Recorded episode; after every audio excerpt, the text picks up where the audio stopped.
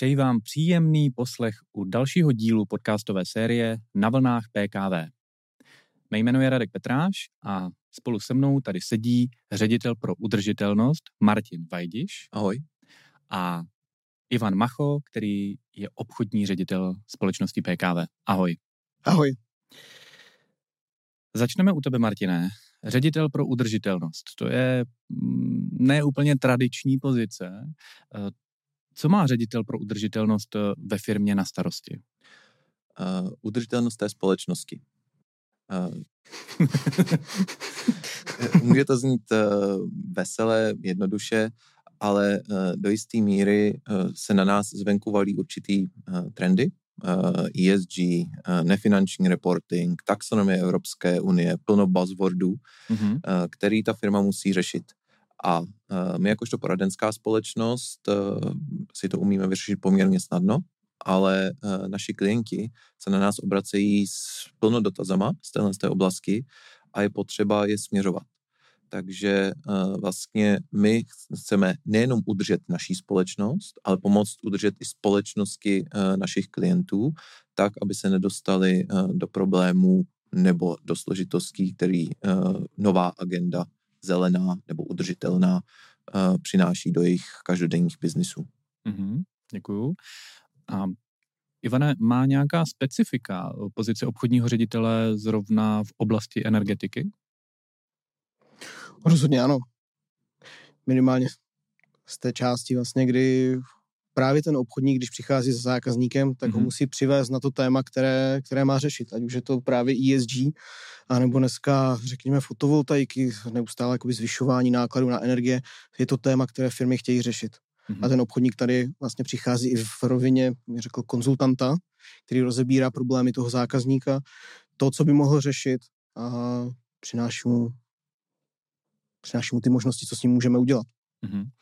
A co firma jako PKV potřebuje k tomu, aby mohla eh, firmám radit eh, v oblasti uhlíkové neutrality, udržitelnosti? Co konkrétně potřebujete? Abychom mohli poradit zákazníkovi, tak eh, my potřebujeme od něho data. Mm-hmm. My potřebujeme od zákazníka data, které nám předá, ať už o svých provozech, o své firmě, o svých budovách, o spotřebách, o tom vlastně, o tom, jak má fungovat jeho biznis, tak abychom mu dokázali, dokázali poradit. A tak, jak říkal Martin, aby vlastně to svoje podnikání do budoucna udržel. Jo, s tím, mm-hmm. co se na nás valí vlastně z Evropské unie, veškeré předpisy, tak, aby ta firma byla udržitelná. Mm-hmm. Takže Martin vlastně udrží jejich biznis pohromadě. A vlastně uh, pod pojmem data má plno lidí představu pouze toho, co umím změřit, co umím vykázat, finanční data, uh, spotřeba energií. Mm-hmm. Ale uh, dnešním trendem jsou takzvaná nefinanční data, což je něco, co vlastně primárně mi nepřináší zisk, ale může to pro mě ten zisk znamenat, pokud to správně uchopím, anebo to pro mě přináší riziko. A to jsou ty data, eh, která společnost, které společnosti nebyly vlastně zvyklí jakkoliv zpracovávat, nebo se převrtvářely do různých marketingových kampaní, eh, které byly do jisté míry pravdivý, nepravdivý. Eh, prostě hm, bylo to trošku jako ve filmu Vrkyky psem. Kdo to uměl uchopit, tak vlastně se vypadal jako nejudržitelnější společnost, eh, absolutně ideální, mm-hmm. ale vlastně nikdo to neuměl změřit. Dobře, nefinanční data. Co si pod tím mám představit? Uh, nefinanční data jsou například data ze sociální sféry. Je důležité dát na venek zprávu, že tvoje společnost se dává všem stejnou příležitost, například takže že nezdvýhodňuješ ani muže, ani ženy, uh, že dáváš všem rovné mm, možnosti, nehledě na barvu pleky, uh, mm-hmm. což může znít jako absurdní, ale uh, pro určitou skupinu lidí, kteří tvůj biznis neznají, to může být důležité rozhodovací jako kritérium. Mm-hmm. Pokud postavíš firmu, která má stejný předmět činnosti, jsou přibližně stejně veliké z finančního hlediska, tak jak se rozhodneš, která z nich je lepší? Marketing? To je neměřitelné. Mm-hmm. Takže se na ní podívám optikou nějaký metodiky hodnocení nefinančních dat. Mm-hmm. Jak na tohle reagují firmy, když něco podobného od vás slyší, že byste podobná data od nich potřebovali? Já bych řekl, že první reakce je, že to je zase nějaký výmysl, který se na nás valí. Mm-hmm. A ve chvíli, kdy pochopí, že zatím je schovaná ekonomika, že zatím jsou schované peníze, mm-hmm.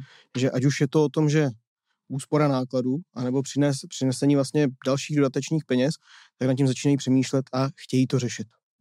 A dneska dokonce to zašlo až tak daleko, eh, že určitá nefinanční metrika může rozhodnout, zda ten projekt nebo ta věc může eh, být vůbec bankou financována. A to, dobře, a to teda se bavíme pořád konkrétně například o těch rovných příležitostech. Eh, nejenom Nebo? o tom, ale pokud bych šel za bankou, že si chci otevřít výrobnu oděvů mm-hmm.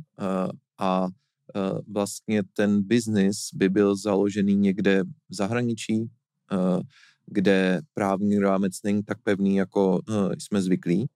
A byl by to založen například na nelegální práci, dětské práci a tak dále, tak najednou dřív ta banka to víceméně neřešila, protože se jenom koukla, aha, přímý výdaje, uh, return on invest, super, uh, jdeme do toho. Ale v současné době už i legislativa nějakým způsobem tlačí ty banky, aby se koukly i na tu nefinanční část. Mm-hmm. Dobře, a tato data těm firmám dříve nechyběla? Že je jako sbírá, sbírají je ty firmy nebo Řekl bych, že teprve začínají sbírat. Mm-hmm. Připravují se na to, že budou muset v daleko větším rozsahu, protože, jak říkal Martin, dřív to třeba po něm ta banka nechtěla. Mm-hmm. Dřív třeba ta firma byla tažena tím, že co po mně chce banka, to jí dodá. A ono je to do jistý míry dneska taky, protože ano. dokud ty banky to nezačaly uh, vyžadovat, mm-hmm. uh, myslím si, že v nějakých předchozích diskuzích jsme se tady s kolegy dotkli věcí uh, jakoby financování výměny zdroje energie z uhelného na plynový. Mm-hmm. To je zrovna něco, co bylo silně ovlivněné nějakýma nefinančníma datama protože z hlediska finančního to může pořád dávat smysl i za vysokou cenu plynu.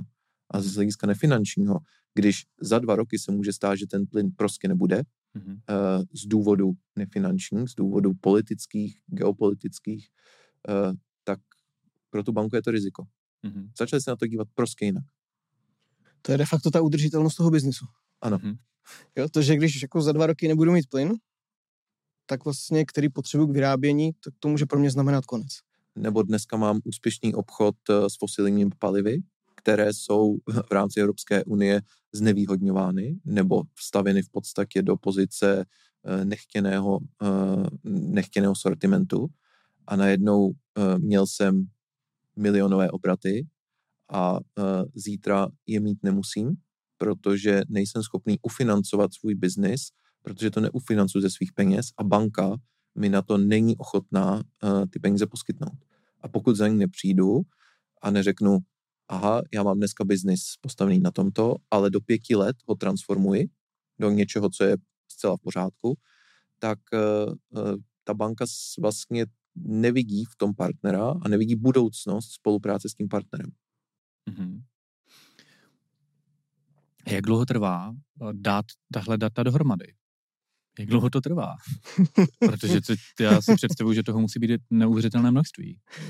Uh, to je, je to hrozně individuální, protože eh, záleží na velikosti společnosti, ale hlavně, když se dneska, když si někdo otevře a řekne, chci nefinanční reporting mm-hmm. a najednou začne, hele, na, začne rážet na věci jako uh, NRFP, CSR, GRI. To jsou prostě zkratky různých uh, frameworků, uh, které řeší tu samou metodiku, jenom jinak. A najednou uh, si začne připadat jak Ivan Mládek v písničce zkratky, mm-hmm. ale vlastně ho to uh, nikam nenasměřuje. Těch možností je plno. A on si musí nějakou analýzou uh, říct, kterým směrem se vydá a pak ty data začít sbírat. Mám zkušenost eh, z velké společnosti podle definice, eh, splně definici velkého podniku a tam vlastně tyhle ty data dát dokupy bylo práce týmu třeba deseti lidí na půl roku. Mm-hmm. Okay. to mi odpovídá na tu otázku. Bych skoro řekl, obchodně najme si nás a my ho nasměrujeme. Ano. Mu řekneme, co má hledat a kde. Ano, Aha. protože uh, zatímco většina těch klientů je like, který ví, ano, ESG, pokud se dostal do křížku s financující institucí, tak ano, banka po mně nějaká takováto data chce, ale pak vstoupí do toho moře ESG a najednou začne plavat a možná se topit a právě potřebuje toho partnera, jako je PKV, eh, který mu řeknou, pro tebe nejlepší cesta je CSRD. Mm-hmm. dobře, tak jsme to zakončili zase s kratkou. Uh, dobře, tak pojďme teda od toho. Uh, máme data a co teď s nimi? Přichází, přicházíte vy ze společnosti PKV, jak s nimi potom pracujete? S těmi daty. Tak pak je to o tom vlastně uh, data zpracovat, zatřídit, zatřídit do celku a pokud vezmeme vlastně to, že to gro naše, nebo ten základ vychází z energetických úspor, tak uh, začínáme řešit vlastně část I, to znamená jednotlivé budovy, provozy a to tak, aby ty budovy byly udržitelné i směrem do budoucna a vlastně splnily jakoby to, co ten klient potřebuje, tak, aby to pro něho bylo udržitelné, měl z toho ten biznis. Pokud se na to podíváme třeba optikou fondů, které mají nemovitosti, tak eh, pro ně je ten cíl, že mám nemovitosti v tom svém balíku a tak, aby všechny ty nemovitosti pro mě byly dobré i za 5, za 10, za 15, za 20 let a snižovali, řekněme, tu energetickou náročnost. Protože to vychází de facto z pařížské dohody, ke které se většina významných států světa zavázala, že snížíme vlastně globální oteplování, budeme snižovat uhlíkovou stopu. A potom, řekněme, když přijde, když by přišel i ten investor za tím fondem a řekl, ale já ti nedám ty peníze, protože to tvoje portfolio budov není dobré. Mm-hmm. A v, takže tam je ta první část, ta odpověď. Zaměříme se na budovy, jak mají vypadat, vypracujeme vlastně jako dokumentaci, kterou potřebuje i v té části SAG, tak, aby de facto měl směrem ven tu politiku, že zaměstnává muže, zaměstnává ženy, že nerozlišuje podle barvy pleti a projdeme s ním všechny ty politiky, že třeba nepřijímá úplatky a tak dál a zpracujeme mu de facto na to směrnice. Ne, nepřijímá, mm-hmm. ale ani nenabízí mhm. úplatky, mm-hmm. že se chová uh, korektně uh, na tom trhu, což uh, pro některé lidi, který jako ví, jak funguje bohužel v Čechách uh, některý biznis, připadá až úsměvné ale jako bohužel, pokud takhle nezačneme jako napravovat uh, ty zažitý stereotypy, tak se to nikdy nezmění. A mm-hmm. uh, jenom jakoby na západ od nás je vidět, že to může fungovat. Že jako morální biznis může existovat. Dobře, tak já se u tohohle trošku zastavím. Uh, dejme tomu, že jsem v roli uh, nějakého majitele firmy, který ví, jak to funguje, že prostě občas se má někde něco poslat a podobně, uh, tak uh, jak mu vysvětlíte, že se tím letím způsobem v jeho očích připraví od nějaký biznis? když někde, jako když se přestane chovat tak, jak byl zvyklý. Byť je to třeba proti jeho morálním zásadám, ale že jako s tím má problém, ale zároveň má Eh, stovky zaměstnanců a prostě musí nějakým způsobem udržet tu firmu nad vodou, tak eh, jo, ten, ten první krok, eh, protože ta, ta změna hledání nebo ohlížení se na západ, jako tam to funguje, no jo, ale jak to nastavit?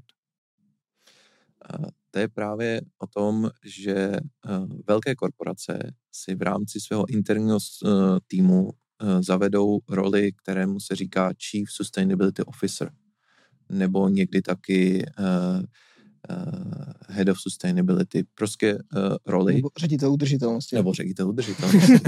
Já jsem si teďka to překládal, říkám, to je ono. To je ono, to je tvoje pozice. Uh, no, uh, který uh, vlastně mu pomáhá kouknout se skrz celý ten biznis, tak, aby uh, ten biznis byl vybalancovaný. Protože uh, stejně jako není dobré uh, přílišně tlačit například na dekarbonizaci, protože to do, ne, nemusí vždycky mít uh, jenom jako pozitivní výsledek, mm-hmm. tak uh, vlastně není ani dobré prosazovat příliš ty ostatní složky. Takže vlastně ten CSO by se měl podívat a promluvit si a znát celý ten, tu strukturu toho biznesu a říct, aha, takže tohle ta věc, která se na nás valí, například regulace hazardu, mm-hmm. pro nás může znamenat riziko, že naše služba, která je nějakým způsobem s hazardem propojená, eh, může ztratit na významnosti, tím pádem hodnotě. Ve finále to stejně skončí u těch peněz. Mm-hmm. Ale uh, uh, dřív bylo složitý převést ty dobré, dobré myšlenky, no sociální myšlenky do finanční úrovně. Mm-hmm. V současné době i tím, že ty klienti se potom ptají, myslím investoři se potom ptají, uh, už je to mnohem snažší zvizualizovat a říct mu, uh, řeš toto nebo ono. Takže pokud vlastně si najme externí firmu, tak on s ní musí spolupracovat na poměrně úzké a otevřené bázi. Což může být pro některé lidi uh, v určitých typech biznesu problematický. Ale ty si musí potom sami říct, dobrý, tak pojedu to nějakým stejným modelem jako dodnes, dodnes a vydržím to tři, čtyři, pět let, anebo prostě přehodnotím svoje uh, priority. Mm-hmm. Tam je to strašně tenká rovina nějaké, uh, nějakého jakoby uvědomění, co, uh, co pro mě je v rámci toho biznesu ještě jakoby snesitelný být tak otevřený, protože nemůžu úplně všechno vyndat ven na svět a zároveň uh, být úplně netransparentní, tím pádem nepřehledný pro trh. Rozumím. Tohle byla taková, eh, takový filozofický přístup k té, k té problematice. Teďka by mě zajímal ten obchodní přístup, jak se tohle to dá prodat klientovi, který právě eh, dřív nebo později skončí u těch peněz. Mm-hmm. Jsi to řekl dobře. On skončí u těch peněz. Jo, že vlastně pokud uh, zatím ten klient nevidí ekonomickou stránku věci, a to znamená, že tam nevidí ten finanční přínos, užitek, mm-hmm. ať už uh, že by o peníze přišel nebo získal navíc, tak on to dělat nebude. Takže on v tom musí vidět tu optiku, ano, získám na trhu třeba další peníze od investorů, anebo udržím si financování banky, bez, bez kterého bych třeba nepřežil. A nebo získám nižší, nižší, úrokovou, nižší úrokovou míru, Právě proto, že mám zpracovanou tu politiku ESG. Mm-hmm. Jo, takže to je ta odpověď, musí se tím vidět peníze. Dneska mm-hmm. dokonce uh, bankovní asociace uh, vydala jakýsi doporučení, můžeme tomu říkat soubor, uh, nějaký checklist, uh, kterým si banky na pozadí prověřují veškeré nové transakce a nové klienty. A třeba uh, nám to nemusí absolutně být navenek patrné, ale tahle ten, ten, ten checklist má tři části. Nějakou obecnou, co ta společnost je zač, v jakém uh, oboru se pohybuje, nějakou část, jaká data jsou veřejně o té společnosti dostupná a potom data, která společnost vyplňuje. A je to vlastně postavené i tak, že jestliže já vyplním, že mám všechno 1A, eh, že jsem nejetičtější společnost, že jsem nejzelenější společnost, ale uh, na veřnek toto absolutně nekomunikuji, nebo to nemám zpracováno podle nějaké metodiky, která by mi potvrzovala můj, uh, moje prosté prohlášení, mm-hmm. tak pro tu banku to může znamenat riziko. A oni prostě ve finále si řeknou, dobře, takže místo 2% mu dáme 3. Mm-hmm. Nikdy nejsme my jako konzultanti schopní říct, když to všechno splníte, dostanete dvě místo tří ale uh, řekneme mu, za A můžete si šáhnout na úplně jiný způsoby financování, protože splníte rámce pro zelené dluhopisy. Uh, splníte uh, to minimum, co banky prověřují. Takže pak už to bude jenom o atraktivitě toho samotného biznisu. Vlastně vrátíme vás do úrovně, že to je čistě ekonomická záležitost. Už tam všechny ty měkká kritéria, ta nefinanční kritéria budou nějakým způsobem systémově podchycena. Mm-hmm. My jsme se doteďka bavili o už fungujících biznisech, u, o výrobních halách, které je potřeba nějakým způsobem upravit, přestavět, zateplit. Spolupracujete i s klienty, například s developery, kteří budují něco úplně od tabula rása, zkrátka, že teprve to je mhm. jenom na projektu a že vlastně vy pomáháte projektovat nové už udržitelné, opravdu, kde se to všechno, kde to všechno, kde na všechno eh, je myšleno. Mm-hmm.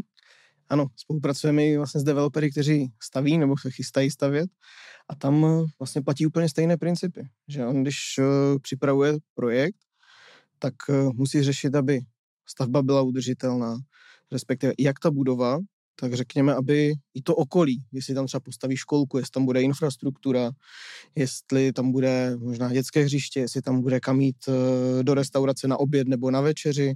A pak i to, jakým způsobem třeba, když se vrátím zpátky k budově, jak ji bude vytápět, jak ji bude chladit, jestli tam budou zelené zdro, uh, obnovitelné zdroje, nebo jestli tam bude zelená střecha, jakým způsobem to bude vypadat. A to všechno vlastně jakoby uh, promítneme, řekněme, do, vlastně do toho do toho dokumentu, do toho soupisu, tak abychom, eh, aby řekněme vlastně splnil i to, co ta banka vyžaduje, nebo co vyžaduje investor, nebo ten, kdo tam půjde do pronájmu, nebo vůbec jako mm-hmm. Já vlastně ten cílový zákazník. Příklad z praxe, kdy jsme se koukali na uh, připravovanou administrativní budovu, která splňuje veškerý právní rámce, uh, má hm, štítek uh, kategorie B, takže v podstatě velmi dobrá budova v současné době.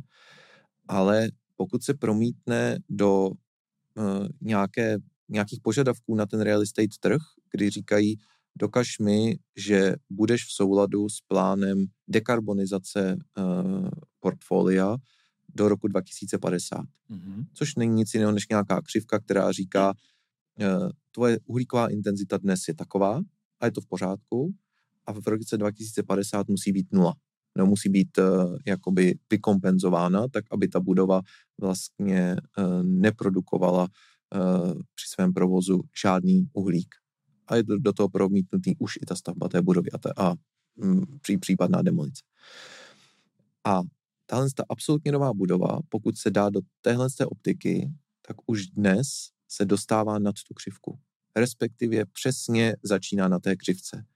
A každý... Na jaké křivce? Teďka na, na té křivce dekarbonizační. Mm-hmm. Takže uh, představ si, že máš že jako křivku, postavím už starou budovu. Ano, že, že už když to doručím na trh, budovu, která je absolutně v pořádku s veškerou platnou legislativou mm-hmm. a která je, řekl bych, poměrně kvalitní a sofistikovaná, už vlastně z pohledu kvalifikovaného investora je v zákonu.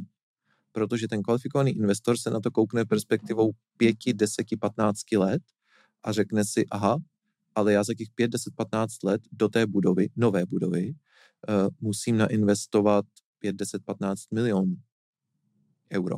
Mm-hmm. A uh, což může pro ně znamenat najednou, proč bych to jako dělal. A to může být i motivace pro ty investory, aby do, vlastně na trh dávali kvalitnější věc. Mm-hmm. Protože málo kdo chce začít s rekonstrukcí v prvních pěti letech tak ta, ta, ta morální uh, nebo technická zastaralost vybavení je někde 10 plus let. 10-15 let. Je pravda, že u auta jsme si na to zvykli, že koupíš nové auto, vyjedeš a už je staré, mm-hmm. ale u toho, u té a, nemovitosti ještě ne. Ale tenhle ten pohled právě to uh, obrací a najednou ten nástroj tomu klientovi řekne i kolik při předpokládané ceně uhlíkové daně tě bude stát to, že seš nad nějakou křivkou. Protože všechno to směřuje k tomu, že další motivací pro to, aby jsme se chovali udržitelně, je, mm. že ten uhlík bude logicky muset být znevýhodněn. Proč jinak bych dělal uh, opatření? Protože dokud mě nebude nějakým způsobem systém trestat za to, že uh, neplním, za to, že jsem méně udržitelný, proč bych to dělal, když mě to stojí peníze? A v rámci té budovy to znamenalo 11% ze stavebních nákladů za ten cyklus uh, té budovy. Což už si myslím, že jsou dobré peníze, které najednou řeknou, aha, tak já třeba 5% uh, nainvestuju víc nyní, na 10-15 let uh, do, prvního, do první modernizace budu absolutně v pohodě. Ty technologie za 10-15 let budou úplně někde jinde a pak budu řešit modernizaci za 8 let. A tyhle ty křivky pomůžou i lajkovi si zvizualizovat, jak se má chovat vůči tomu portfoliu. Mm-hmm. Protože většina těch lidí si říká, dneska mi to nedává smysl ekonomicky. Ale vy mu ukážete, pozor, proti tomu ekonomickému přímému uh, efektu, který kvantifikujeme úsporou energie, uh, kterou už vidí dnes, je ještě nějaký skrytý efekt toho, že ti to neznehodnocuje tu budovu a toho, že ta budova bude splňovat parametry i za 10-15 let kdy máš exitovou strategii a chceš to dát na trh. Mm-hmm. Doplnil bys něco? To znamená, že vlastně developer postaví budovu, zahájí provoz, a de facto už začíná konzultovat to, kdy ji začne opravovat. Mm-hmm. Kdy ji začne rekonstruovat, kdy vymění technologie a začíná vlastně jako nekončící běh a šňůra o to, jak se o ní starat. A pokud to nechá de facto třeba zaběhnout až do té fáze, že se tím nebude zabývat vůbec, tak může dostat bod zlomu, že tu budovu je lepší zbourat, než ji vlastně opravovat. Že ty náklady už budou tak vysoké, mm-hmm. že ta ekonomika je postavená úplně jinde. Konec konců jeden obchodní řetězec to tak dělal u svých prodejen. Nevím, jestli to bylo vyloženě právě jako ten motiv z pohledu ano, energetiky, četl, anebo jenom z pohledu velikosti. Dává smysl to zbourat, než ano. to opravovat. Hm. Ale ono jako nekoukání se dopředu uh, může být opravdu drahé. Uh, všichni řeší elektromobily. Uh, evropské, v rámci Evropské unie, no v rámci i Čech se ta legislativa upravuje tak, aby uh, elektromobily mohly parkovat v podzemních garážích. Mm-hmm. Všichni ví, že ty elektromobily můžou hořet. A najednou to má dopad do požárních norem, i retrospektivně. A e, teď konci otázka, které z těch budov jsou na tohle připravené. Které budou umět upravit ty systémy tak, aby elektromobily tam mohly parkovat. A já je nemůžu znevýhodnit, že řeknu zákaz vjezdu elektromobilů. Mm-hmm. To prostě legislativa neumožňuje.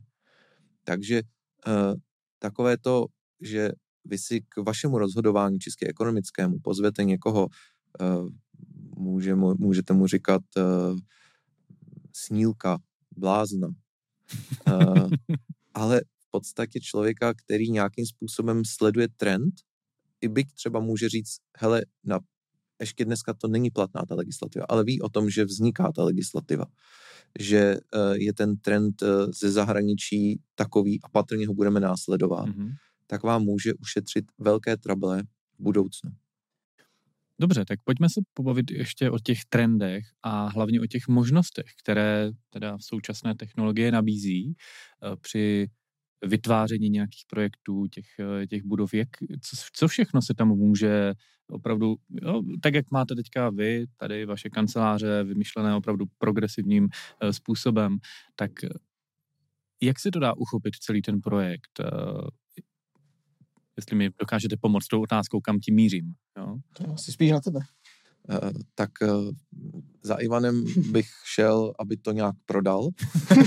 tu myšlenku. Uh, tu myšlenku, ano. Uh, ale já bych vlastně se na to kouknul z hlediska OK, takže toto jsou naše kanceláře.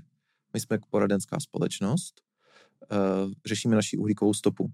Takže provoz těch kanceláří se promítne do naší uhlíkové stopy jak toto mám vyřešené s landlordem. Mm-hmm. Uh, tedy s pronajímatelem. S, pronajímatelem. Kdo, uh, čí ty emise vlastně jsou, protože o tom je celá ta hra.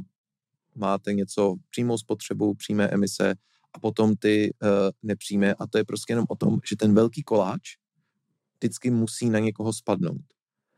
A to má nějakou svoji cenu.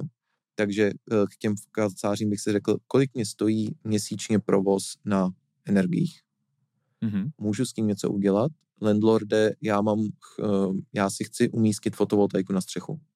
Umožníš mi to? Protože si chci oříznout svoji uh, spotřebu. Nechci platit 100% toho, co spotřebovala ta budova, kterou ty mi dodáváš. A to jsou prostě diskuze, které můžete mít a je to potom o nějaké vzdělanosti toho pronajímatele, mm-hmm. aby řekl, já to pro tebe udělám a promítne mi to nějak do nájmu zase tomu dá tu ekonomickou rovinu, anebo řekne, já to nechci řešit, eh, dám ti tady čtvrtinu střechy, dělej si, co chceš, tady máš ode mě carte blanche. Nechci do toho investovat své peníze. Mm-hmm. Ale ve finále ten výsledek pro mě bude stejný, protože já buď nainvestuju svoje peníze, udělám si finanční rozvahu, uh, anebo on do toho nainvestuje peníze, které mi promítne do nájmu a udělám si finanční rozvahu. Dá se předpokládat, že jeho varianta bude dražší protože na to má svůj profit, uh, svoje rizika. Mm-hmm. A potom opět s tady touhletou ideou přijdeme za tebou, nebo uh, přijde, přijde Martin za tebou a ty se to snažíš prodat klientovi. Ano, my se to snažíme prodat, protože vlastně ten cíl je de facto prakticky všechen uhlík na, na té země kouli neutralizovat nebo většinu, většinu z nich. A někdo to musí udělat. Buď to uděláme třeba my, když budeme tady v té kanceláři, anebo to udělá ten pronajímatel. Mm-hmm. Dobře, uh, bych se na závěr ještě dostal ke konkrétnímu příkladu. Uh, vy jste spolupracovali nebo spolupracujete se společností Porsche. Jak probíhala ta spolupráce tam a jestli to můžeme navázat na to, o čem jsme se tady teďka celou dobu bavili. Já bych rád řekl, že naše služby jsou takovým Porsche uh, segmentu. Uh, to je s velkou nadsázkou. No, to je hezký oslý můstek. uh, ale jako Porsche, jako společnost je specifická, protože je to automotiv. Mhm. Tam vlastně to téma uhlíkové neutrality a obecně negativního dopadu uh, automotivu na životní prostředí se řeší daleko delší dobu a uh, někteří to nesou nelibě, že nejdřív byl downsizing, tak je elektrifikace uh, a ty automobilky jsou v tomhle tom o mnoho, o mnoho dál než ostatní segmenty, protože už začínají prověřovat svůj, uh, jakoby ten takzvaný value change nebo supply change, tedy dodavatele a svoje hodnoty a snaží se to snižovat směrem dolů. Mhm. Protože, jak jsme se bavili o těch kancelářích tady, vždycky je to otázka, kde uděláte tu tlustou černou čáru, co je ještě vaše nebo kam až půjdete. Protože uh, vy se můžete v podstatě zastavit u posledního dodaného šroubku na tu danou stavbu a uh, uhlíkové efektivity nebo uhlíkové intenzity toho šroubku. Stejně tak to může dělat to Porsche. Ono se na to může kouknout uh, v rámci nějakého velkého přehledu a řekne, dobře, v této továrně se spotřebuje tolik energie, vyrobím tam tolik produktů, takže měrná uh, uhlíková stopa toho produktu je XY a Mhm. mm-hmm. stačí to. Ale zase na které úrovni těch továren uh, se zastaví? Půjde pouze do prvního levelu, druhého levelu, třetího levelu, nebo až do uh, vlastně zdrojů uh, surovin, které využívá pro uh, primárních zdrojů, které využívá pro výrobu těch vozů. Mhm. A tohle to vlastně v tom, eh, v tom Porsche oni už vlastně dělají a jdou do té, eh, jdou do té hloubky, ale eh, například, kde my jim můžeme pomoct říct, podívejte, vy máte dealerství. A jak jsou ty vaše dealerství připravený na uhlíkovou neutralitu? Protože v rámci toho ohromného koláče Porsche ty dealerství jsou jednotky procent ani ne, pro ně je mnohem důležitější ten, ten výrobní proces, ten je mnohem a provoz těch vozidel, to je mnohem uhlíkově náročnější než provoz dealerství. Ale je to jedna z kousků skládanek k té uhlíkové neutralitě. Mhm. Tak ono to dealerství je vlastně ta první věc, kterou vidí člověk. Ano. Že tam vidí jakoby ten, tu reklamu té značky. A když vezmeme automotiv, tak eh, tady vlastně z řad dodavatelů do automotiv byly ty první signály, že automobilka po mně chce vykazovat uhlíkovou stopu na, nějaký, na nějakou jednotku, na nějaký Mhm. mm-hmm. výrobek. Zatím to bylo ve fázi chci vykazovat. A teď je ta část nebudeš vykazovat nebo nebudeš snižovat, nahradíme tě někým jiným. Mhm. A zase jsme v finanční rovině. A zase jsme v té finanční rovině a obchodu. OK.